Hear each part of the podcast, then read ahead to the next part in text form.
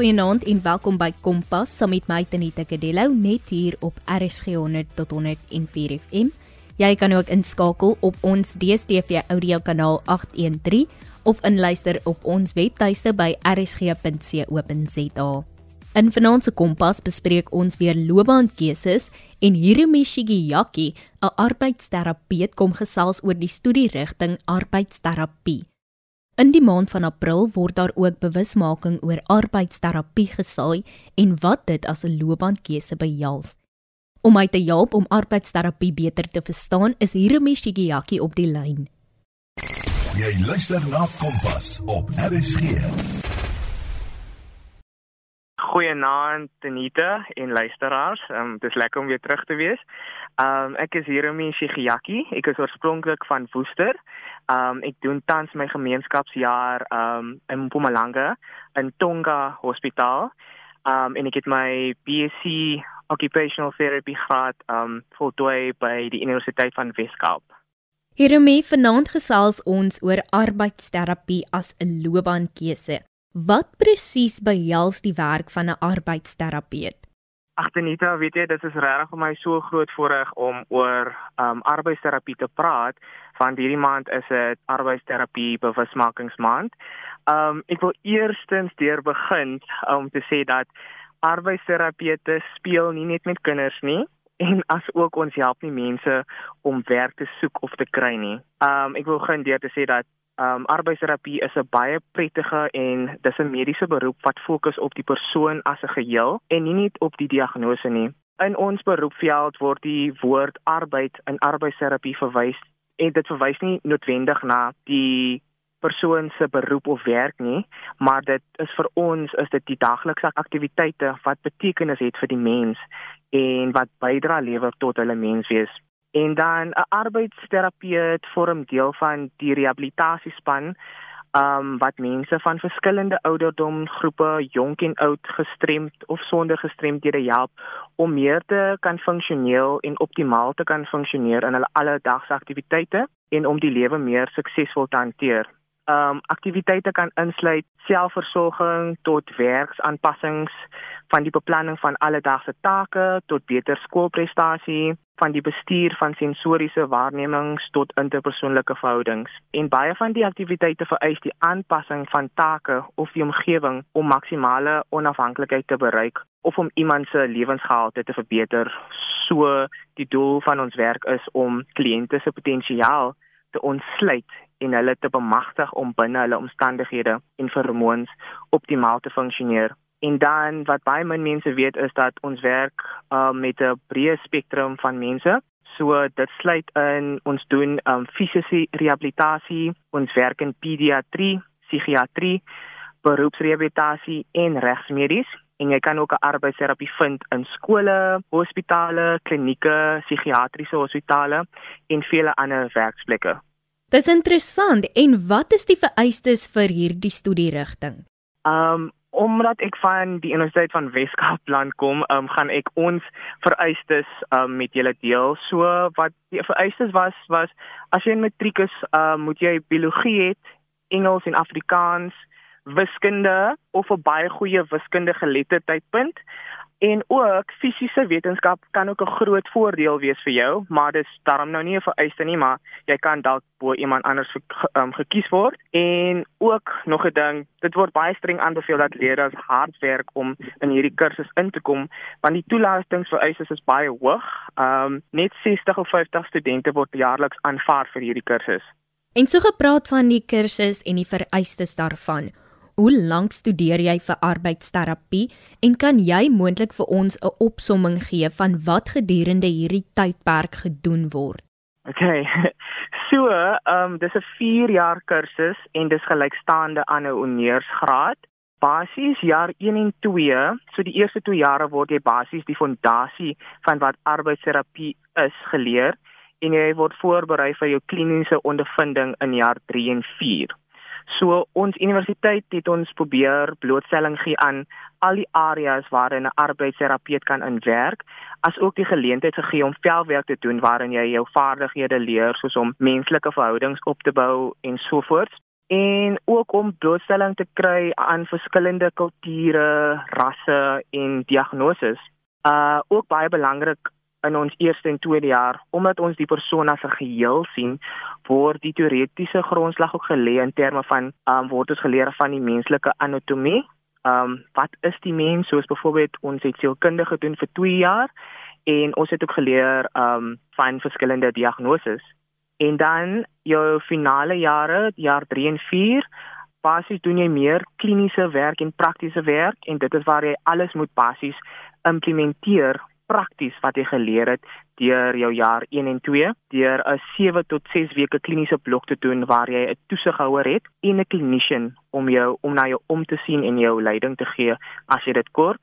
In veldwerk doen jy ook terapie in groepe, individueel en jy werk ook in 'n gemeenskap omdat hierdie graad gelykstaandig is um, aan Uneus kry ons ook die geleentheid om navorsing werk te doen in klein groepe vir jou thesis in jou finale jaar. Jy luister nog steeds na Kompas op RSG 100 tot 104 FM saam met my Tenita Kadilo en ek gesels met Hiremi Shigiyaki oor arbeidsterapie as 'n loopbaan.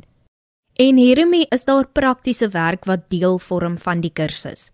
Ehm um, Tenita, ja, definitief. Like praktiese werk vorm 'n groot deel van ons opleiding as arbeidsterapeute want dit is die voorbereiding wat ons kry sodat wanneer ons gradueer dat ons toegerus is met die nodige vaardighede hoe om met verskillende pasiënte te werk en hoe om sekere prinsipes toe te pas. En veral om in 'n diverse land te werk soos um, ons pragtige Suid-Afrika word ons in ons graad geleer oor die verskillende kulture, ouderdomsgroepe en diagnoses en so voort. En deur middel van dit leer ons dat terapie is nie 'n sambreelterm nie en dat daar nie 'n oplossing is vir almal op dieselfde gronde nie en daarom sien ons elke persoon as individueel en as 'n entiteit. En watter tipe praktiese werk is dit en hoe besluit die universiteit waar jy geplaas word? So van 'n ehm um, EWK perspektief want dit is waar ek geleer het, um, word ons praktiese vaardighede geleer soos ek genoem het voorheen, ons word dit in groepe geleer, individueel en in die gemeenskap. In ons kursus was ons geleer hoe om assesserings te doen met verskillende mense, um, met verskillende diagnoses, hoe om pasiënte met verskillende diagnoses te behandel, hoe om kreatiewe aktiwiteite te maak en dit te gebruik in terapie. Ons was ook geleer hoe om spalke te maak vir mense met handbeserings en soveel meer. Um in terme van die plasing, ek kan nie vir al die universiteite praat nie want alle universiteite het ander benaderings oor hoe hulle studente plaas by sekere kliniese omgewings. By EWK het hulle ons gewoonlik likraak geplaas en studente se vervoersbehoeftes en afstand word ook baie in ag geneem wanneer hulle plasings doen. En wat ek baie van gehou het van uh, my universiteit was dat hulle ons probeer het om deur die vyf plasings wat ons gehad het, um, wat twee plasings in derde jaar was en 3 en 4de jaar, het hulle studente probeer ten minste een pediatrie, een fisiese en een gemeenskapplasing te gee en ondervinding te gee in daai twee jaar. Maar hierdie verskil um van universiteit tot universiteit. En hieromie, wat het hierdie praktiese ervarings vir jou geleer? Persoonlik vir my het dit my geleer hoe om met mense met verskillende diagnoses te behandel, asook die feit dat dieselfde diagnose gaan nie dieselfde voorkom en dit gaan verskil van persoon tot persoon en dis ook die manier hoe ons pasiënte behandel as individueel weens hulle verskillende lewensrolle wat hulle moet vervul en betekenis bydra tot hulle lewe. En sien jy kans om 'n bietjie van jou ervarings te deel daar in Mpumalanga? O, ja, definitief. Ehm um, weet jy Anita, ek leer verskriklik baie ehm um, hier so in Mpumalanga. Um omdat ek in 'n rural setting geplaas word, sien ek baie goed wat ek altyd net op televisie gesien het of in die handboeke of wanneer ons um dosente vir ons leer van sekere diagnoses. En ek dink dit is die plesier om in 'n rural setting um ge geplaas te word, want jy moet op jou voete dink, jy het nie altyd al die um resources om terapie te doen nie en ek dink net dit is vir my 'n baie goeie leerskool hierso en ek is baie dankbaar dat ek um, hier geplaas kon word. Alhoewel dit nie een van my opsies was nie, glo ek stellig dit is waar ek moet wees. Hieromie, wat gebeur na graduering en is daar ruimte vir nagraadse studies met hierdie studie? So na graduering, dis nou tans waar ek is. So na graduering doen jy jou gemeenskapjaar vir 'n jaar. Ehm um, voor dit kry jy 5 opsies om van te kies in terme van hospitale en klinieke waar in jy graag wil gaan werk. Ehm um, maar daar is ook iets wat ek noem die sesde opsie en dit is wat een van my vriendinne vir my ehm um, gesê het voor ek ehm um, aansoek gedoen het. So die sesde opsie is ehm um, waar jy dalk nie geplaas gaan word by een van jou vyf keuses wat jy gekies het nie en dan werk jy by die hospitaal of kliniek waar jy dan likrak geplaas is. En dan definitief is daar ruimte vir nagraadse studies. Ehm um, meesters is gewoonlik die volgende stap omdat arbeidsterapie gelykstaande is aan 'n honeursgraad. Maar dis ook aanbeveel dat jy meer ondervinding eers moet opdoen voor jy jou meesters doen, tensy jy al klaar jou um identiteit gevind het in die beroep en jy weet wat jou passie is in arbeidsterapie. En ook na meesters kan jy 'n doktorsgraad en PhD doen. Jy kan dit voltyds doen of jy kan dit deeltyds doen. En ook um as arbeidsterapeute glo ons aan lewenslange opdoening van kennis omdat ons nog 'n ontwikkelende professie is. En daarom moet ons altyd 'n oog uithou vir nuwe navorsing sodat ons die beste kwaliteit behandeling kan gee aan die mense aan wie ons toevertrou is. Ons sê, Jeremy, dan net ten slotte, het jy enige raad vir jong mense wat dalk in hierdie rigting wil studeer? Self voor ek hierdie antwoord gaan, ehm um, hierdie vraag gaan beantwoord, wil ek net sê arbeidsterapie het manne nodig so hulle kan kom.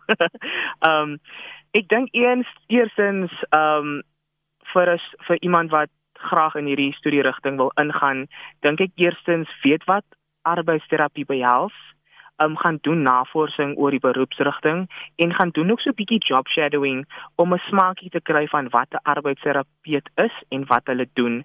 Ek dink ook dis baie baie belangrik is dat die persoon wie in hierdie rigting wil gaan dat hy of sy 'n passie en 'n aanvoeling het om met mense te werk met gestremdhede en om net mense in algeheel te wil help. Basies moet jy 'n hart hê vir mense en die kwesbares te wil help en bereid te wees om 'n mondstuk vir hulle te wees of selfs om vir hulle te help om hulle eie stem te vind in die lewe. En sommer in hierdie selfde asem is arbeidsterapeute nie net terapeute nie, maar ons is aktiviste en advokate vir occupational justice. En dan aan die einde van hierdie se kuier by ons, baie dankie Jeremy vir hierdie wonderlike insiggewende gesprek oor arbeidsterapie en wat dit behels as 'n loopbaan. Lauren Lee Toring van Uitenhage het in 2017 haar eie besigheid begin en nooit gedink dat dit so 'n groot opslag sal maak nie. Lauren Lee is die eienaar van Lee's Hair Treatment and Tonic. Jy luister na Kompas op RSG. So vertel vir my, wie is Lauren Lee? Ek is Lauren Lee Toring, 26 jaar vanaf Uitenhage in die Oos-Kaap. Ek is 'n maklike mens, kom goed oor die weg met mense. Ek is baie vrygewend en ek hou baie daarvan om te gee. Ek is ook die jongste dogter van 4. Ek is ook 'n ma van 'n pragtige dogtertjie, soos almal sê. So Lauren, jy het jou eie besigheid begin en um by jou besigheid staan jy bekend as Lee. So mm -hmm. vertel vir ons bietjie meer van jou besigheid, die ontstaan daarvan en dan ook wat jou produkte is. OK. Hoe ek aan die produk gekom het, wat soos 'n bom werk is wonders. Ek het in 2017 'n uitdaging gehad waarin ek my hare kort gesny het. Ek het vir myself gedink, wat gaan ek doen om trend dit wat gebruik ek, hoe maak ek met my hare om te groei? Ek het vir myself 'n mengsel gemaak, 'n mengsel wat uitgewerk het en dit ook self gebruik het vir my hare vergroei. Daar was binne 1 week 'n verskil nadat ek dit gebruik het. My hare het so begin groei dat mense begin wonder of vra wat gebruik ek vir my hare. Ek het dit begin maak en vir my vriende gegee om dit te toets. My vriende het toe terugvoering aan my gegee. Nadat ek die resultate gesien het, het ek vir my keer vertel dat ons kan dalk die die uh produkte begin verkoop. Ons het geen verpakking gehad nie waar ons die produk in kon verpak nie maar nader in 'n koeldrankhouers 2 liter bottels aan die mense verkoop. Vanaf 2017 tot van die jaar 2021 het ons besigheid baie gegroei waarvan ons 30 agente het en ons verkoop die produk landwyd. Ons het ook nou 'n hairgrowth oil en 'n hair treatment wat saam met die hairgrowth uh, tonic gepaard gaan. Ons reeks is nog nie voltooi nie. Ons werk daaraan om nog meer produkte te maak. Binnekort sal ons ook 'n salfaat vry shampoo bekendstel aan ons kliënte. Dis fantasties lê en om te dink dit het als begin by jou eie hare. Wat was van die uitdagings wat jy moes oorkom in hierdie tyd toe jy nou jou besigheid begin het? Die uitdagings wat ek moes oorkom was die verpakking van die produkte. Ek het kliënte gekry wat my altyd afgebreek het en gesê het dat dit lyk snaaks en dat dit ook baie onprofessioneel is vir my besigheid. Soms het dit van die kliënte se produkte uitgeloop as dit met die koeriedienste gestuur was. Dit was altyd 'n probleem met my kliënte. Ek het ook gesukkel om dit te verkoop in ander provinsies waarvan daar niemand was om dit daar te verkoop nie. Baie mense wou ook nie glo dat ek koeriedienste gebruik om hierdie produkte in die 2 liter bottels af te lewer nie. Vandag het ek nie meer daardie struikelblokke nie. My verpakking is baie beter professioneel. Die koeriedienste wat ek nou gebruik is die beste. Al drie die produkte word ook verpak met 'n instruksieskaart wat dit makliker maak vir die kliënte om dit te gebruik. Ek kan vandag met trots sê dat ek 30 agente het reg oor Suid-Afrika wat die produk verkoop en hulle bring ook kliënte nader wat die produk graag wil gebruik. Dis fantasties Lee en behalwe die feit dat jy nou hierdie suksesvolle besigheidsvrou is, is jy nog ook 'n onderwysstudent. Vertel vir my bietjie meer van hierdie loopbaankeuse. Ek glo daarin dat onderwys die kragtigste wapen is wat jy kan gebruik om die lewensomstandighede van mense te verander. Vir my is dit 'n beroep wat 'n verskil maak. Onderwys is 'n beroep wat passie, toewyding, verdraagsaamheid, deursettingsvermoë en karakter seeg as ook die verbintenis om 'n verskil in die lewens van 'n groep jong of ouer kinders te maak. Ek wil ook 'n impak maak aan leerders om hulle volle potensiaal te kan bereik. Al sover het ek geleer dat hierdie beroep dalk baie maklik mag lyk, maar in die onderwysberoep moet jy dikwels 'n magdom struikelblokke oorkom. Met ander woorde, dit is nie so maklik as wat dit lyk nie, maar ek het dit definitief die passie vir kinders in skool. En dit help baie want ek meen um, selfs soos wat jy vroeër gesê het met die struikelblokke wat gekom het toe jy die besigheid begin het, het jy geweet dat volharding gaan op die einde van die dag sukses vir jou beteken en ek dink dit is 'n baie belangrike aspek om te onthou. Maar ek sal baie graag wil weet, hoe balanseer jy die twee? Gedurende die week is ek tans by die skool en naweek het ek tyd vir die besigheid en maak van produkte. Die agente neem bestellings vanaf maandag tot vrydag en ek het hierdie ehm um, stelsel begin nadat ek gesien het ek het eers gehad van woensdag die orders van woensdag tot woensdag maar dit het nie gewerk nie want dit het my skool eers geëffekteer. Ehm um, so vrydag lê die bestelling vir die week en maandag stuur ek die agente se bestellings na hulle. Dit help baie vir my en dit effekteer nie my werksure of besigheidsure nie. Ek leer ook aanlyn so die studies vind ek ook nie moeilik nie. Sê ek dink dit help regtig dat dit nou aanlyn is want as jy nou op 'n ander plek moes gewees het sou dit seker nou 'n bietjie moeiliker gegaan het. Ja, dit sou. Lee het jy ooit gedink dat hierdie produk so 'n groot impak op mense se lewe sal maak en veral nou met die hele natural hair journey. Om eerlik te wees, nee, ek het nie. Dit voel werklik soos 'n droom. Alles het vinnig gebeur, maar nou vandat dit so groei kan ek sien dat dit werklik 'n baie groot impak op mense se lewens het. Ek sê of bemoedig altyd my kliënte aan om eerder jou natuurlike hare te omhels om om natural te gaan gaan basies om jouself weer te vind ons verloor onsself om so baie aangeplakte produkte in jou hare te sit wat soms onnodig is en wat jou hare kan beskadig. Indien jy daardie besluit maak om die big chop te doen, moet jy jouself aanvaar met daardie hare wat jy gesny het. Jy moet ook leer om geduldig te wees. Jy moet net jouself lief hê wanneer jy doen dit vir 'n doel om gesonde hare te hê en ook sterker hare. So die produkte het dit weer eens bewys dat geduld is belangrik want as jy gaan lief wees vir jouself dan gaan jy lief wees vir jou hare. Om die produkte te gebruik moet jy doen wat ons instruksiekaart sê. In so 'n manier sal jy sterk, gesonde en langer hare hê. Dit is wat ek geleer het van die hele journey en dit behels nie net natuurlike hare nie, maar ook enige soort hare. Daar's hy en so gepraat van gesonde en sterk hare. Watter wenke het jy vir gesonde hare? Ehm um, gee gereeld om vir jou hare, dit is die belangrikste. Masseer jou kopvel gereeld. Gebruik organiese shampoo en conditioners. Gee ook om vir jou hare voor jy gaan slaap. Sit op daardie selfbonnet. Stresvrye liggaam en gedagtes. Olie masseer op jou hare is baie belangrik. Volg of moisture gereeld jou hare. Deep condition jou hare met elke was en drink ook baie water. Indien jy net so is, spoel jou hare saam koue water of lauw water af, want dit hou die moisture in jou hare. En watter advies het jy vir ander jong entrepreneurs? Ek het geleer dat jy eers moet kry voordat jy kan loop of om te hardloop. Maar dit maak nie saak wat jy verkoop nie, hoe jy dit verkoop nie, waar jy dit verkoop nie, moet nooit opgee nie. Glo in jouself, hou daardie deursetting vermoë en doelwitte wat jy vir jouself en besigheid gestel het. Jy sal wen, maar vir my is jy alreeds 'n wenner.